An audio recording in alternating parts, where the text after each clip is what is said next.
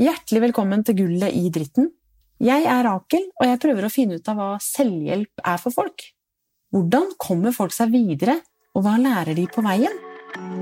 Så livet er jo en eh, berg-og-dal-bane uten Det er jo like. Altså, veldig fint da, å er ha noen som eh, har eh, i hvert fall like ille, og kanskje litt det verre Det viktigste tror jeg er å lytte og forstå og se andre For mennesker. noen ganger hjelper det bare å fortelle om hvordan man har det. Dele erfaringer Og så av og til så tror jeg ikke vi skjønner helt hvor stor betydning det, de små tingene gjør.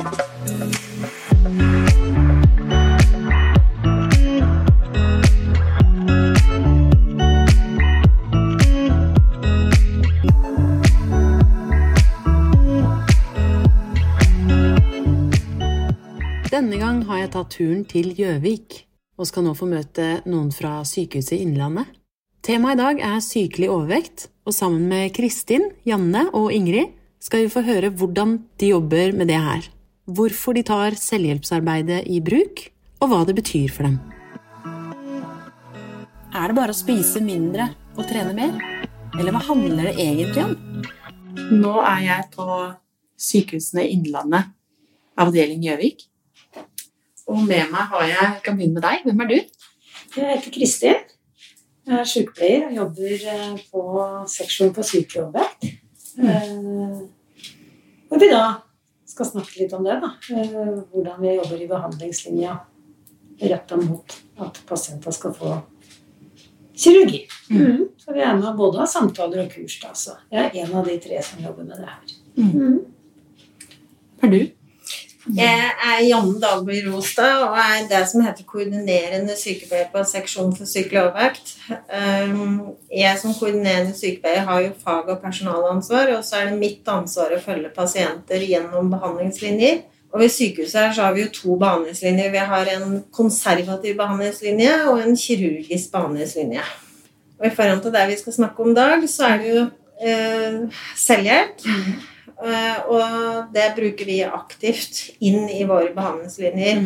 Både i samtale, men også ved at vi samarbeider med Selvhjelp eh, Norge, eh, Innlandet og Erna eh, i den kirurgiske behandlingslinja vår.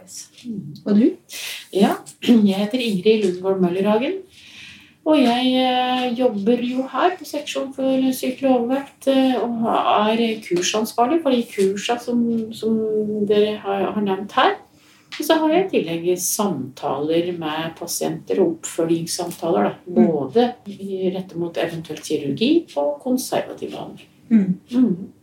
Men sykelig overvekt. Hva er egentlig det? Sykelig overvekt er jo en definisjon, og den beste definisjonen vi har i dag Det er ikke en god definisjon, men den beste definisjonen er jo en BMI. Der man regner eh, høyde mot vekt.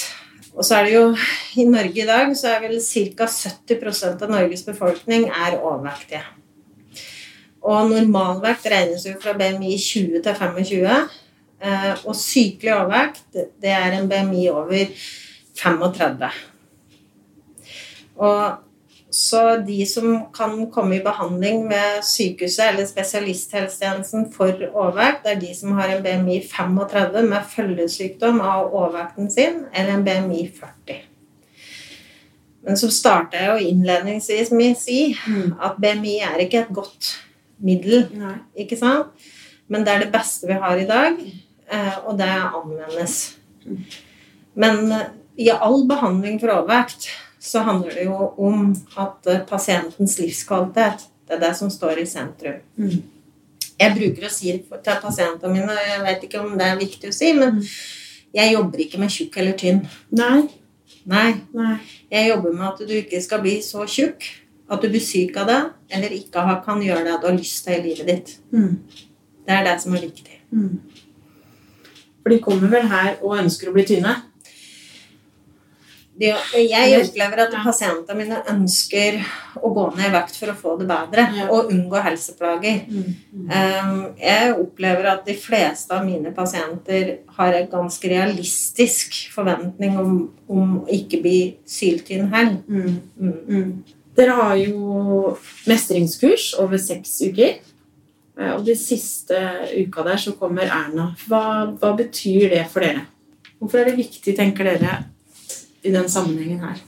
det er jo viktig å, å blant annet det å, å ta eierskap til, til det som er problemet. Mm. For vi, når du har eierskap til noe, så har du også både, både mulighet og ikke minst ansvar til å, til å gjøre noe med problemet. Men da, da må, du, må du erkjenne og, og være ærlig med deg sjøl om, om hva, hva handler dette egentlig om. Hva dreier det seg om egentlig? Mm. Være litt ærlig med seg sjøl. Mm. Da lurer jeg på, er det så lett å vite? Det er en ting å være ærlig, det tror jeg vi ønsker. Men det er ikke så lett å vite. Det er ikke så lett å vite. Og det er jo mye av det vi jobber med ikke sant? i all behandling her, og spesielt på kurs. eh, Men også individuelt egentlig i samtaler før de begynner der. Når den kommer til oss første gangen, så er det liksom mye av den samtalen som varer i halvannen time noen ganger, hvor vi snakker om hva handler dette egentlig om. Fordi at eh, alle som kommer, vet jo på en måte at de er overvektige. Alle vet jo litt hva som er, alle vet hva som er sunn og ikke sunn mat. Alle vet at det er bedre å spise et eple enn en sjokolade. Det er jo ikke det det handler om. Det handler om hva slags valg man gjør da, eh, i hverdagen. Og hva som har ført deg dit, på en måte. For å, få, ja, for å finne ut, da. Og som Ingrid sier, liksom sånn Det er litt sårt. For at du må erkjenne noe. ikke sant? Du bruker det kanskje som eh, ja, en mestringsstrategi eller en fluktstrategi fra noe annet i livet. Da, som på en måte er eh, noe du kanskje ikke har snakka med så mange andre om, egentlig. Eh, så vi stikker litt høl på den noen ganger her. Da. Ja, ja. Sånn at eh, Det ser jeg for meg. Mm, For det er ikke lett å vite sjøl, egentlig. Og noen, noen begynner å grine når vi begynner å påpeke litt sånne ting og spør litt og graver om på en eh, måte som, som vi kan få til samspill på. da. Ja. Så blir det ofte litt sårt, for at det handler om som Ingrid sier, at da må man begynne å erkjenne litt av det som jeg faktisk gjør. da, Som jeg kanskje har fortrengt, eller som jeg skammer meg over. eller... eh, Vi har jo alle litt sånne strategier. Vi prøver å finne en måte å mestre dette livet på. da. Og for de som er overvektige, så har ofte det med mat eh, fått en, eh, et stort fokus. Og det er jo mange ulike måter, da. Men, mm. Jeg har lyst til å poengtere det er bare sånn at vi Altså målet mitt eh, Altså Jeg hører hva vi snakker om, og jeg er helt enig med Ingrid og Kristin her, men det er veldig viktig for meg å poengtere at overvektige har kunnskap. Overvektige har vilje. Overvektige har motivasjon. De har bare ikke egentlig um, lært seg uh, hva som gir vekt og ikke vekt. Uh, de små tinga i livet, ikke sant? Uh, og at, eh, at mye av jobben min og Ingrid og Kristine, som vi har stort fokus på når vi snakker med pasientene våre, det er å få bort skammen. Mm. Og overvekt altså Det er ikke sånn at de fleste overvektige er psykisk syke. Det er ikke sånn i det hele tatt. De fleste pasienter, Jeg har like mange pasienter som har god selvfølelse og god selvtillit og er høyt utdannet. Altså De pasienter som kommer til oss, det er like, like mange som er direktører, leger, psykologspesialister, sykepleiere, vernepleiere, hjelpepleiere. Altså De fleste av de er i jobb og, og, har, har suksess med mange andre ting. Det er veldig viktig at du sier. Det Ja, fordi- om Nei. Nei, det handler ikke om altså, Så mye av jobben vår i starten er jo, som, som Ingrid og Kristin poengterer, det å, å på en måte ta ansvar sjøl. Fordi at jeg får ikke vært med pasienten hjem og handla. Eh, De vil ikke leve mitt liv. De vil ikke spise den maten jeg spiser. Ikke sant? Men å normalisere det er faktisk Den største jobben er kanskje å lære dem å spise. For mange har følt så mye skam. Eh, Så de tror at det er bra behandling for overvekt å slutte å spise, og så er det faktisk absolutt det helt motsatte. Vi må lære pasientene våre å spise. Ja, og da må man gå liksom litt inn, inn i seg sjøl, da. Og så, og, og så er jo mye av dette kurset det er jo liksom at vi angriper eh, eh, fra alle kanter alltid sagt at de er overvekt, og så er det pasienten sjøl som må gå inn og så se litt på hva slags eh, vaner eller uvaner har jeg. Hva er det som går på, på autopilot her, og, og hva er det jeg nesten ikke legger merke til? Mm. Så du, du, du må liksom eh, da- kommer du inn det der med bevisstgjøring, da. Mm. Og prøve å få en liten avstand ifra det du har tenkt å, å gjøre, til du gjør det. Mm. Og liksom ta en sånn telefon opp til huet. Mm. Skal jeg gjøre dette nå? Mm. Ja, det er veldig mye i livet som vi nesten ikke Sånne ting vi gjør som vi nesten ikke tenker over. Det bare har blitt som et mønster, på en måte. Mm. Og det er jo kjempefint. Det er som psykologen vi har på kurs, der hun sier da at det, det er veldig rart dette der, for det er ingen, ingen mange av vanene våre går jo på automatikken. Blant annet tannpuss, kjøre bil, ikke sant, kle på deg. Altså mange, mange ting. Vi, vi mødre vi gir unga våre mat, ikke sant? Og så lar vi være kanskje å spise sjøl. Men det er sånn, sånn at det er ingen mennesker i hele verden som vurderer eh, om det er dårlig vær, så skal de la være å pusse tenna. Nei. Nei, ikke sant? Men sånn kan det jo være at vi vurderer mange ting om spise, gå en tur, ikke sant? sånne ting. Så målet er jo hele tida å prøve å, å gjøre mange de tinga vi veit til slutt. da. Vi innser til slutt at vi må gjøre for å få en endring i livet, og så må vi gjøre det så mange ganger at til slutt at det ikke går på viljen. Mm. For vi som mennesker, vi har ikke masse vilje. All den viljen vi har, det er en pose. Det skal vi ha til jobb. Det skal vi ha til mannen vår, det skal vi ha til ungene våre, det skal vi ha til å samarbeide, vi skal være pårørende. Altså, vi har jo så mange roller i livet, ikke sant? Mm. Og så skal vi i tillegg bruke vilje til å endre oss sjøl til noe som vi kanskje nesten ikke har tro på at vi skal lykkes med. Nei. Eh, sånn at vi må prøve å få noen ting inn på automatikken til slutt. Og da handler det om å gjenta, gjenta, gjenta til det ukjennelige og det kjedelige. Du nevner Det blir jo viljestyrke, da. Eh, Kobler dere den ut? Si? Altså, tenker dere kun et nytt mønster, liksom? Eller sånn, hva, er det her viljestyrke, egentlig? Det er snakk om? Altså, Det går jo på viljestyrke i begynnelsen. Altså, Du må jo tro viljestyrke. Altså, Jeg bruker å si at motivasjon, da, det er et regnestykke. Motivasjon, det er eh, håp ganger forventning. Og forventninga er jo da om at du tror at du skal få det bedre. Hvis vi ikke tror at vi får det bedre, da er vi ikke vi mennesker villige til å jobbe for det. Så hvis en pasient kommer til meg og tenker at den har det helt fint på vekta si nå, så kan jeg nesten si alt uten at den egentlig har lyst til å gjøre noe med det. Og da er vi ikke villige til å gi avkall på det livet vi har. Og håpet, det er jo også en tro på at vi skal lykkes. Hvis vi ikke, vi mennesker, tror at vi lykkes, da er vi ikke villige til å jobbe for det. Fordi at vi mennesker vi har ikke lyst til å falle. Vi har lyst til å lykkes. Så hvis vi ikke tror vi lykkes, da vil vi heller ikke jobbe for det. Så dette er jo sånne ting som vi begynner med. altså Kurset handler jo ikke bare om sjølhjelp, men dette er jo ting som vi vi opplever vi som jobber her, kanskje at sjølhjelp er en, en oppsummering, da. Eh, Nesten helt til slutt. For at pasienter skal få den siste piffen, siste tro på at de har evne til å lykkes.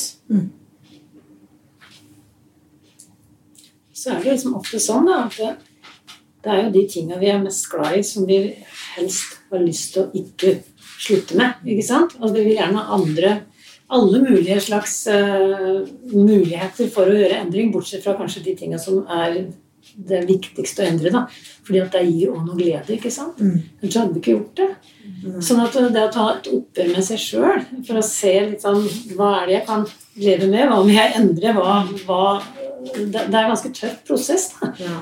Og det er, det er noe, Du må gi avkall på noe av de tinga som man kanskje koser seg mye med, eller som gir livsglede, eller som definerer deg som menneske, for den saks skyld. Hvis du er en som liker veldig godt å lage mye mat, og familien din, og har liksom stort fokus på det, så går det fint an å kombinere. Men man må på en måte ta et oppgjør med noen av de valgene man har tatt så langt, hvis det har ført til en sykdom og, og høy overvekt. da.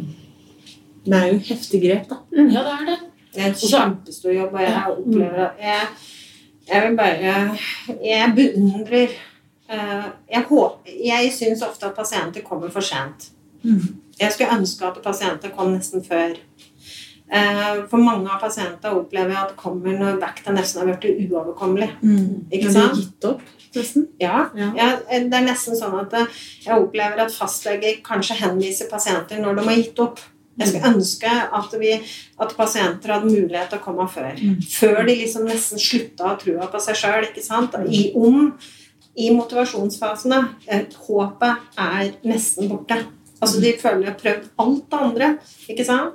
Og, og så syns jeg at eh, så jeg mange ganger skulle ønske at pasienter kom før, men så er det jo sånn retningslinjer når de skal komme inn i spesialisthelsetjenesten og ikke. ikke sant? Og så er det jo sånn at eh, vi som mennesker alle forbinder mat og godteri med kos. Altså Der blir vi lært opp helt fra vi er små. Lørdagsgodteri, ikke sant? Belønning. på Ja, belønning. Altså, det er jo det for alt. Eh, mannen min han trodde ikke på dette. Eh, og da poengterte jeg Vi var på en skitur. Han er ikke noe glad i å gå i oppoverbakke. Og så sier jeg til han Vet du hva jeg har i lomma? Jeg har penger. Så hvis vi bare kommer øverst på bakken der, så vet jeg vi får kjøpt kakao og vaffel. Er du med, Else? Han var med, han. Ja, ikke sant? Og da sier jeg at eh, altså, vi kan ikke tro at pasienter er noe bedre eller dårligere enn oss. Sukker og fett, det gir en tilfredsstillelse. Det gir endorfiner. Det gir litt lykkehormoner, ikke sant? Og, og det er ingen i hele verden som noen gang har trøstespist brokkoli. Nei, Nei? Nei. det tror jeg ikke. Nei? Hva ser vi på amerikanske eh, kjærlighetsfilmer når det er kjærlighetssorg? Hva gjør de? Ostepop. Ostepop. Ja, det er min òg. Men det der vi ofte ser at de spiser ris. Ja. Ja. Spiser de av lite beger? Nei. Nei. De spiser av bøtta. Hele. Hele. Har de liten skje? Nei. De har stor skje. Ikke sant? Så dette, her, dette har vi lært opp til. Ja, sånn. Når jeg var ung, så den største sjokoladen vi fikk kjøpt, det var Rigel. Eller kokesjokolade 75 gram. Eh, Når jeg skulle kjøpe lørdagsgodtet mitt, så sto jeg dame bak disken. Så hadde hun krukker, og så hadde jeg spiseskje. Og så sa jeg ta, jeg skal ha to av dem. Tre av dem. I dag så får vi kjøpt er det fire eller fem sjokolader for 100 kroner av 200 gram. Når vi kjøper smågodt, så er det digre, digre auser. Og strullen fra når jeg var lita, den dekker ikke bånden av posen engang. Sånn at samfunnet har heller ikke vært med i utviklinga, da. Absolutt ikke. Men det er fullt mulig. Dere nevnte på skam, og jeg tenker skam, tanker og følelser, altså den indre kritikeren vår. Og så er det jo en avhengighet her også. En kan godt si at eh, ja, men en godtepose, liksom. Eh, ja, en godtepose, men for en som er avhengig Du sier jo ikke til en alkoholiker at eh, bare ett glass, det går fint. Nei, det er veldig mange som, som, som, som har en sukkeravhengighet, og er, det er Det er heftig, altså. Eh, Og, og ja. For noen så, så, så må du kanskje slå opp med Mr. Freya, at det er det eneste. Eh, For andre så kan det være eh, Ja, jeg må vite at jeg har, eh, har liksom en, en i skuffen der som, som kan hjelpe meg. Men du må liksom finne ut av hva som er din Åssen skal jeg mestre dette her. Og det, er- er, eh, det er vanskelig. også det her med endorfiner, da. Mennesker som er deprimert, har opplevd heftige saker, så ser vi vekta øker. Ja, er det så rart, da? Når den godteposen gir endorfiner. Det er klart man blir Man vil jo ha den rusen, man vil jo ha den gleden, og det går jo litt opp, så det funker jo på et vis. Ja, ja. Og det, det er helt reelt, det. Og jeg opplever at eh, mange har reelle sukkeravhengighet. Men, men, men jeg opplever også at veldig mange av pasientene mine klarer, hvis de får trua på Hvis de legger bort skammen over det å spise mat Hvis jeg får dem til det, til å tro på at det hjelper å spise mat, sånn at de spiser mat jevnt, da får de et mye jevnere blodsukker, og da er det mye lettere å si nei til en sjokolade. Mm. Eh, trøstespising, behov for endofiner, det å være lei seg, det kommer oftest når blodsukkeret er lavt eller veldig høyt. Så et uregelmessig spisemønster, det gir det. Det er det samme som når vi har eh, spist en stor middag, så får vi ofte lyst på dessert. ikke sant? Så det er ikke bare ved lavt blodsukker det sukkerbehovet kommer, men også ved et veldig Så hvis jeg får pasienter til å fylle på, fylle på jevnt, hvis jeg får dem til å tro på det at det er bra å spise mat, da syns jeg at eh, også veldig mange ikke opplever den reelle sukkeravhengigheten. Men så har vi jo de som har det, og de som også vi opplever at- som har en spiseforstyrrelse. Altså de har ikke makt til å la være. Og da skal jo alltid en spiseforstyrrelse, behandles før en overvekt. Hvordan kan dere catche det? At det her er det en spiseforstyrrelse? Det, det er det jo kriterier for, på en måte, som vi går igjennom og spør pasienten. Men pasienten på en måte ikke med jevn oppfølging hos oss da, eh, fortsatt ikke klarer å la være å spise 1,5 bløtkake altså Da snakker jeg ikke om et kakestykke, men 1,5 bløtkake. altså Klarer ikke å stoppe. Har et uh, spisemønster der man spiser kanskje et måltid som varer fem-seks timer. Har ingen makt til å la være. Handler på flere butikker samtidig. Spiser i skjul. ikke sant? Det er jo sånne reelle spørsmål som vi spør. Og det tror jeg mange av pasientene våre opplever som både veldig trygt og veldig, veldig tøft. Veldig mange syns at det er veldig vanskelig. Eh, For her på seksjonen for sykkelloven så sier vi alt. Vi har liksom ingen rosa elefant i rommet som, som hindrer oss. Altså, vi snakker om kropp og vekt som noe naturlig. Eh, og det er for mange veldig rart, for som oftest før så har en liksom dyssa litt over det, hatt en dis over orda. Men med en gang pasienter kommer inn hos oss, så har vi, vi har et skilt. Det står 'seksjon for sykelig overvekt'. Og hvorfor har vi det skiltet? Jo, det er definert som en kronisk sykdom. Vi har store stoler eh, som tar pasienter som veier 300 kg. Så på en måte mange opplever det som skam, men jeg er stolt av skiltet. Fordi at det skiltet det sier at det er en sykdom. Det handler ikke om at pasientene mine har dårlig vilje. Og det er, jeg tror vi kanskje skal begynne mange steder da, for å, helt, for å få bukt med mye av avverksproblematikken. nå. Eh, det er at vi må slutte å si at det er bare å spise mindre. For det handler ikke om dårlig vilje. Det er så fort å dømme, da. Det er så fort å se for seg. Jeg blir eh, fryktelig provosert når jeg hører noen slenge ut Ja, du skulle vel kanskje spist mindre og trent litt mer, eller? Ja. Eller Også- bli møtt på butikken, og at folk ser ned i handlevogna di. Og så har du kanskje handla godteri fordi at du har fem barn hjemme som fortjener lørdagsgodtet sitt. Og det er jo veldig mange av våre pasienter som sier akkurat det. ikke sant? At de har blitt møtt med den holdningen der ute. Og dermed så har de jo mye skyld og skam eh, i det de kommer inn her Uh, og har liksom uh, Ja, må jobbe hardt med seg sjøl uh, for å på en måte greie å legge bort det. Og jobbe innover da, og finne ut at, at det er greit. Dette er greit. Dette skal noen kunne snakke med deg om uten at du skal føle skyld og skam. da. Mm. Så jeg opplever jo at mange av pasientene våre har et skjold da, når de kommer først. Mm. Og det er jo derfor vi sykepleiere som har førstegangssamtale, møter pasienter helt tilbakelent.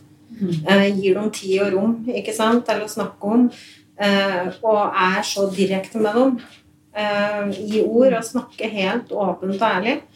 Eh, og prøver å få bort skammen for overvekt. For det er ingen som har vært dum, overvektige for de er dumme og late. De fleste har vært overvektige for de slutter å spise mat til måltid. Og det som er veldig vesentlig, som vi også tar opp da i den førstegangssamtalen, da, helt fra ja, første samtalen, det er jo hva er motivasjonen din? Hvorfor vil du dette? For det, det er så viktig. Ja, for du må komme innafra. Ja, du må liksom uh, ja, Jeg ønsker det. Det ikke, ja, ikke sant? Hjelp. Vi- Ja, det er er akkurat det. indre. Du, du, ja, den indre Vi kan støtte og backe, og vi heier, vi sier at vi er på lag med dere. Uh, men, men den indre motivasjonen uh, den, den må du liksom grave fram litt sjøl. Den indre troa på at du kan få det bedre. Ja.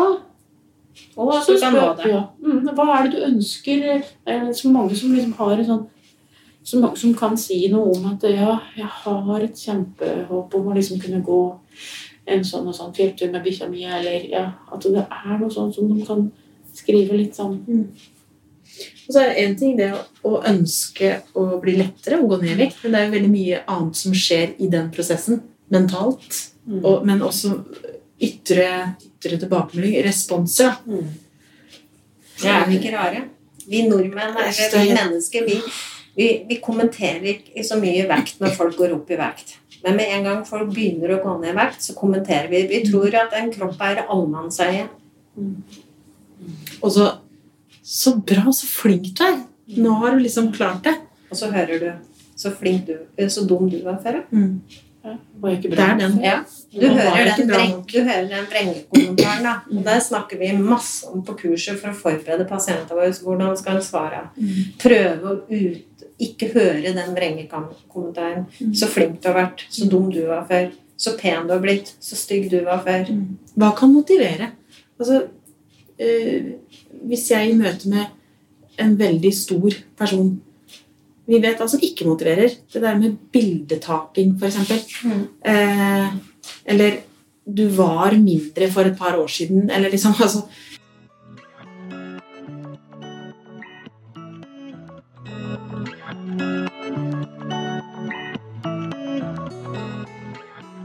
Hva kan motivere? Egentlig skal man jo elske de akkurat sånn som de er på det stedet, men vi ønsker jo også at de skal få en mye bedre livsstil. Men dette er kjempevanskelig. I en endringsprosess så, uh, så får jo mange ofte store, altså små stikk om at de kanskje burde. Men jeg mener at det er helt umulig å endre andre mennesker hvis en ikke har gjort seg opp en formening sjøl. Altså der en har veid fordeler mot ulemper. Um, så jeg mener jo at uh, Jeg spør om er det riktig at vi skal motivere for vekt en gang, nesten. Eh, Jeg vet ikke om jeg skjønner hva jeg sier nå, men eh, jeg syns ikke at jeg som menneske ehm, eh, Jeg har mange overvekter rundt meg, men de kommer ikke til meg. Og de veit hva jeg jobber med. Og jeg syns at det er mye viktigere at jeg tror at når folk er klar for det sjøl, og ønsker det, eller tenker at vekten har blitt et så stort problem at de opplever at det hadde vært godt å gjort noe med det, da tror jeg de kommer til meg. Så jeg er litt sånn usikker på om vi som mennesker skal kommentere andres vekt, og hva de bør gjøre. Ehm, det er litt som røykeslutt. For det er mye mer allment å kommentere, da. Men ehm, jeg har en kamerat som er nylig hjerteoperert. Og han har røkt i alle år. Så jeg var på middag der, og han eh, skulle operere i hjertet. da. Eh, og jeg som sykepleier har jo kunnskap om at hvis du skal opereres i hjertet så, og skifte noen årer og blokke noen årer, så burde du slutte å røyke. Hvis ikke så tetter årene seg raskt igjen. Så jeg sitter på middagen, da, og så sier jeg Jeg vet ikke om jeg skal si det, sier jeg, men eh, Og nå må du gi meg beskjed hvis jeg trår over en grense her. Når du, har noen prata med deg om røyken nå? Ja, han visste jo det. Så sa jeg at eh, vet du, jeg syns jo at hver et menneske skal bestemme hvordan han har lyst til å leve livet. Det. Og du er en intelligent person, sa jeg. Men, men hvis ikke du har lyst at de årene som skal bli ordna av deg nå, skal bli tett innen seks måneder, da må du vurdere røyken. Og så kan jo du velge å leve kjempegodt de seks månedene med røyken. Hvis det er viktig for deg. Men hvis du, har lyst, hvis du har lyst til å ha det bedre lengre, da må du gjøre det. Jeg syns det er mye bedre å, å snakke om um, tilbud og muligheter. For det er jo faktisk ganske mange som er overvektige, som lever godt og holder seg friske i en overvektig kropp. Men det som du sier egentlig, det er jo veldig mye som blir stikk. Og, Og det er stikka som fører et frø til at pasienter kan begynne sjøl å vurdere Er fordeler og ulemper. faktisk? Jeg tenker at stikket gjør vel at den bare fortsetter. Ja. Nei, Men da kan det stikket kan like godt få det. Mm. Men det, å, det er jo hvilken holdning du sier det. Altså, Snakker jeg pasient ovenfra og ned, eller har jeg en forståelse for at han syns at det er fint å røyke? mm. For det er jo mange mange fine ting med Mm. altså Som vi sier til pasientene våre på kurs og i samtale, mange mange flotte ting med livet ditt i dag. Mm. Ja, det er mange ting som er flott eh, i det livet en har levd, men så må en jo også tenke litt over hva, hva må jeg gi avkall på, Mm. og hva får jeg ved en eventuelt uh, endring. Mm. Du må liksom gjøre opp et lite regnskap, da. Mm. Men opplever dere... er villig til å ofre noe for, oss. for ja. ja. Mm. Men de selvhjelpsgruppene som dere har da, eller når dere møtes, og så har dere hatt kurs, og så veiledninger, og så, så møtes de sammen i et fellesskap? Er det sånn? Mm. liksom, ja? Pasienter Altså, vi legger stor Kurset vårt er laget på, i kirurgisk behandling den er laga av tre grunner. Den er laga først og fremst for at pasienter skal få nok informasjon til å ta et godt valg for seg sjøl. Hva ønsker de av behandling? Det er det viktigste. Pasienter leverer et eh, behandlingsønskeskjema, så det er et samvalg for behandling. Jeg vet at når mennesker skal gjøre endringer, da trenger de å se noen som heier på dem, helsepersonell, ofte. Så derfor har vi laget ganske mange oppmøter for at pasienter skal ha muligheten til å se oss. Og så er den tredje grunnen, og kanskje den viktigste.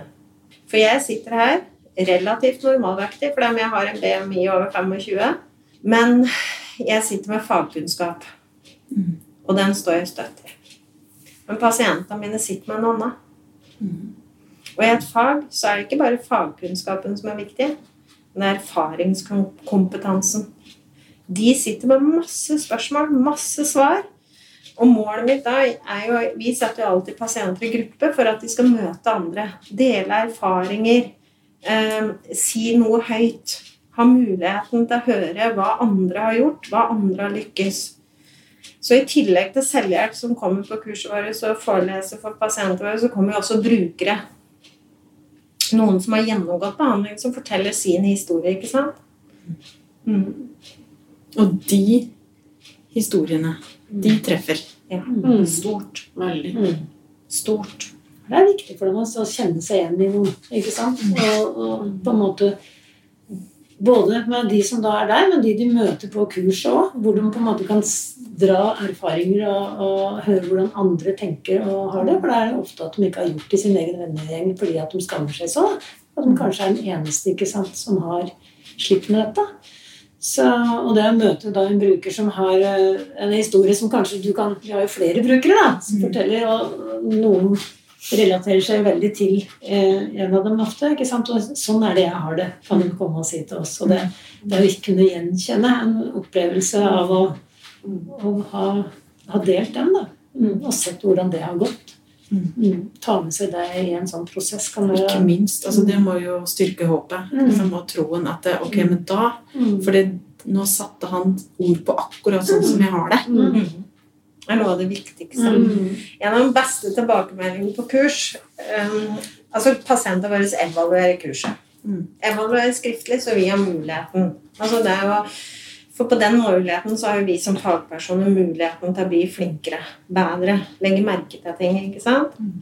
Men en av de beste tilbakemeldingene fra kurs, det var en pasient som jeg øh, spør noen kort. eh, På slutten liksom hver og en får fortelle hvordan denne opplevelsen har vært. Og da sa jeg det er det beste stedet jeg noen gang har vært. Her for første gang har jeg sittet sammen med andre grupper pasienter uten å føle at jeg måtte hølte inn magen. Åh. Det å føle seg ikke alene. Føle at den ikke er rar, dum eller ikke har vilje. Eh, at det overvekt handler om som har veldig, veldig mange andre ting. da. Det der med å trekke magen er jo en fysisk ting, men det er så mye psykisk du også trekker inn av. holdt jeg på. Mm. Som låser seg i kroppen. Hvor mange pasienter har, som sliter med overvekt, har ikke vondt i skuldre og armer? Mm. Og det har jo ingenting med vekten i seg sjøl, for skuldre og armene våre bærer ikke vekten. Men hvis du går kontinuerlig og holder inn magen og prøver å lage liten plass, Mm. hvor vondt får du ikke være med og skulle da? Og nakke? Og førerovervelsen er jo ganske lang for mange. Kan det ha brukt flere år før de på en måte kommer til oss. ikke sant? Fordi at man vil så gjerne ordne opp i dette her sjøl. Ja, men Er det det, eller er det også at legen liksom ikke henviser før det har gått ille nok? Begge deler. Begge deler. Mm, ja, fordi at Noen kommer og sier at dette har jeg visst om i mange år, men jeg har bare tenkt at dette skal jeg ordne opp i sjøl. Og så har jeg ikke ville vært en av dem som har gjort det. Så de har jo på en måte egne fordommer òg. Ja, absolutt. til det det. går nok Mm. over, og så Mm. går det egentlig bare oppover. ja, Mm. Og så er det jo det er jo ganske mange som har prøvd veldig mye da, med, med x antall dietter, slankekurer, og det er jo veldig ofte at det, det aller fleste går jo ned mye. Mm. Og det, det sier veldig mange. Det er ikke noe problem å gå ned i vekt, sier mange. Men det er jo det å holde seg der. Og det, det, blir jo så mange nedturer da, Mm. for en sjøl. Og da er kanskje ikke liksom, den trua på at, det- at det skal lykkes Hva skal til for at det skal lykkes denne gangen her? ikke sant? Når, det, når du har hatt så mange sånne trøkker.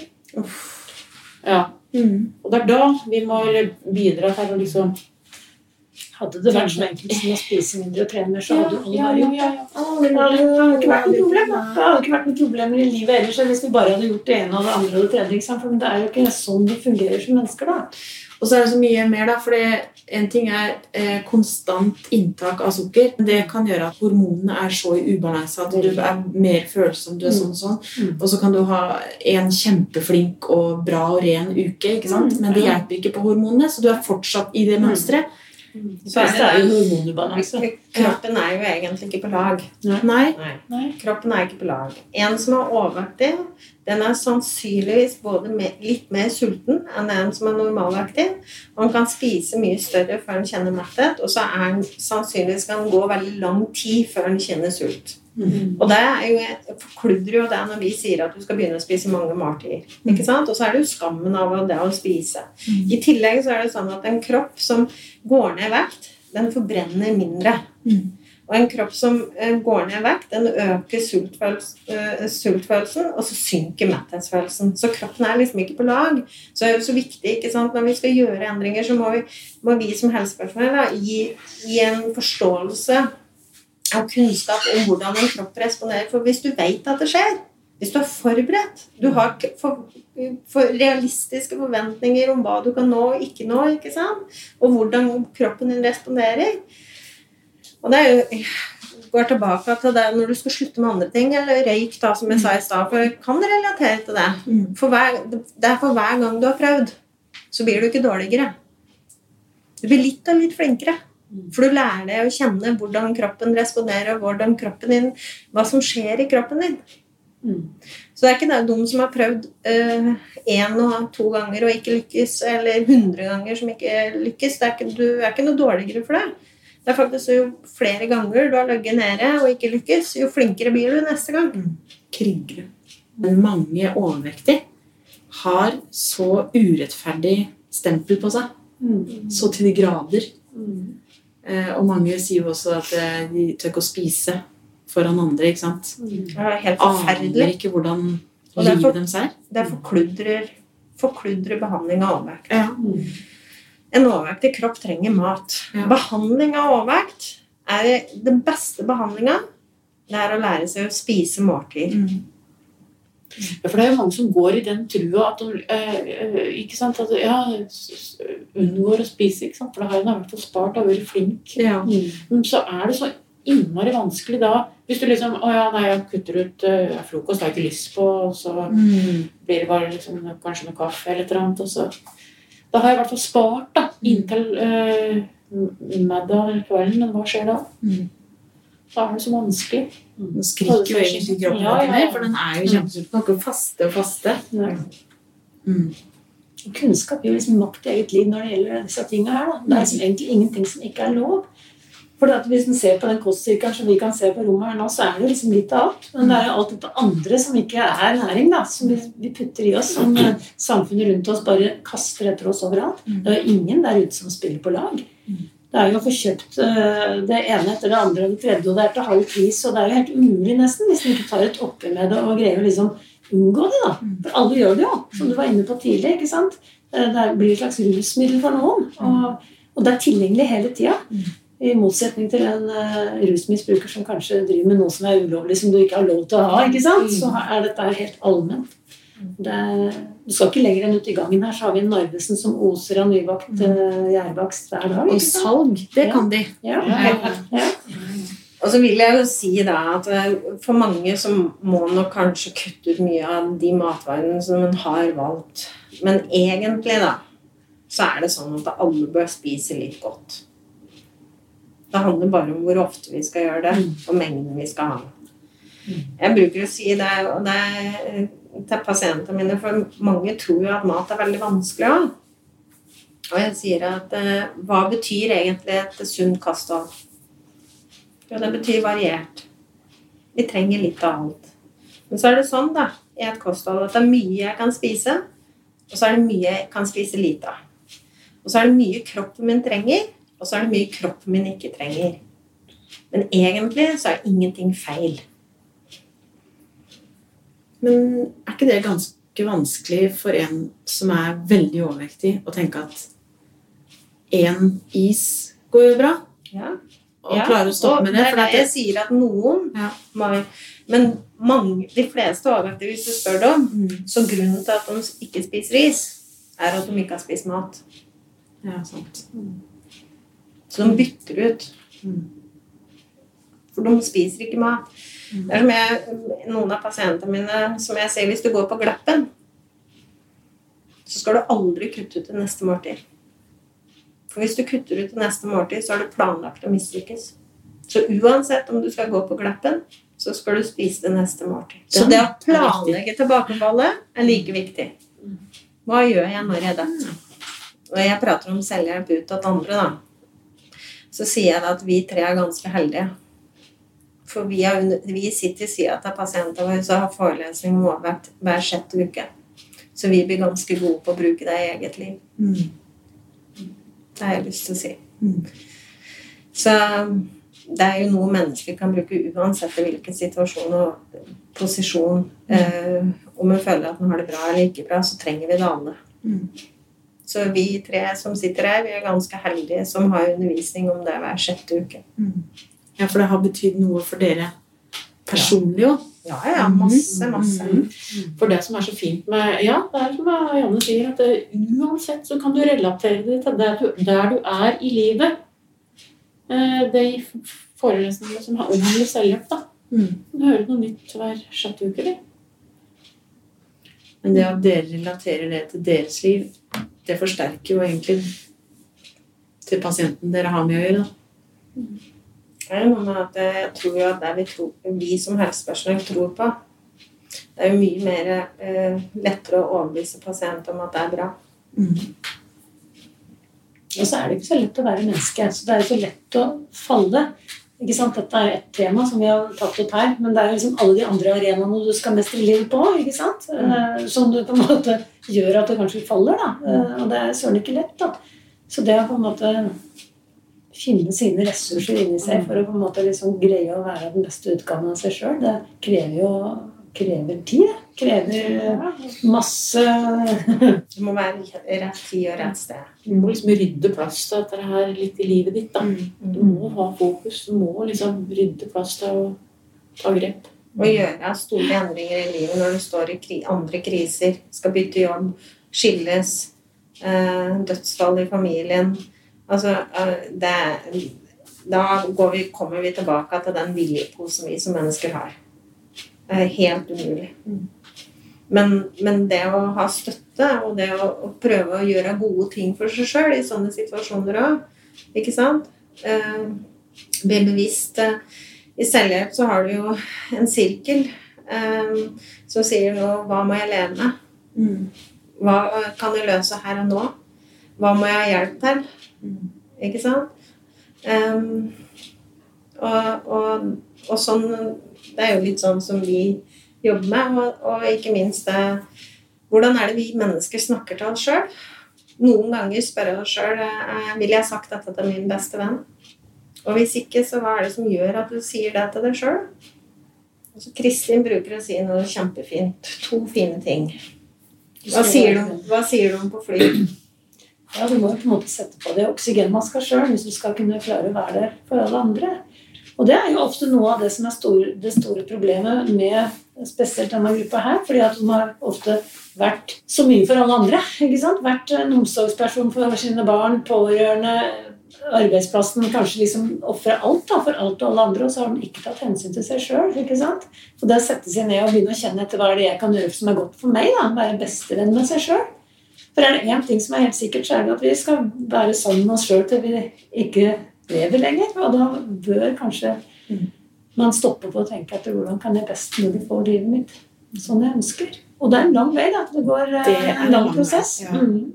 Og hvis overvekt er en av de problemene da, så er det jo en lang, veloverveid eh, eh, prosess før man kanskje bare i det hele tatt kommer hit. Men så vil den veien nå kanskje blir lettere hvis man begynner å erkjenne da, og kunne liksom løsrive seg litt fra de her faste rammene som gjør at det er vanskelig. Det er rett og slett livet. Dere, det her var veldig bra og sterkt. Tusen hjertelig takk. Nei, det handler virkelig ikke om å spise mindre og trene mer. For mange handler det om å spise sunt, varierende kosthold med regelmessige måltider. Finne balansen mellom mestring og fluktstrategier. Ikke tenke at man er så flink når man unngår å spise måltider. For en frisk kropp trenger medisinen sin, som er variert mat. Det å få kunnskapen rundt dette og finne den støtten man trenger på veien, kan hjelpe oss videre. Det er ikke lett å vite hvor man skal begynne, og motivasjonen må komme innenfra. Kanskje målet ikke bør være den perfekte vekta, men at tarmen og kroppen skal kunne fungere godt. Aktivitet kan være gull, komme seg ut i frisk luft og gjøre gode ting for seg selv. Spise nok, spise klokt og godt, og aller viktigst snakke fint til seg selv. Det er gull å kunne dele. Ønsker du å møte andre i et trygt fellesskap? Se vår hjemmeside for mer informasjon selvhjelp.no.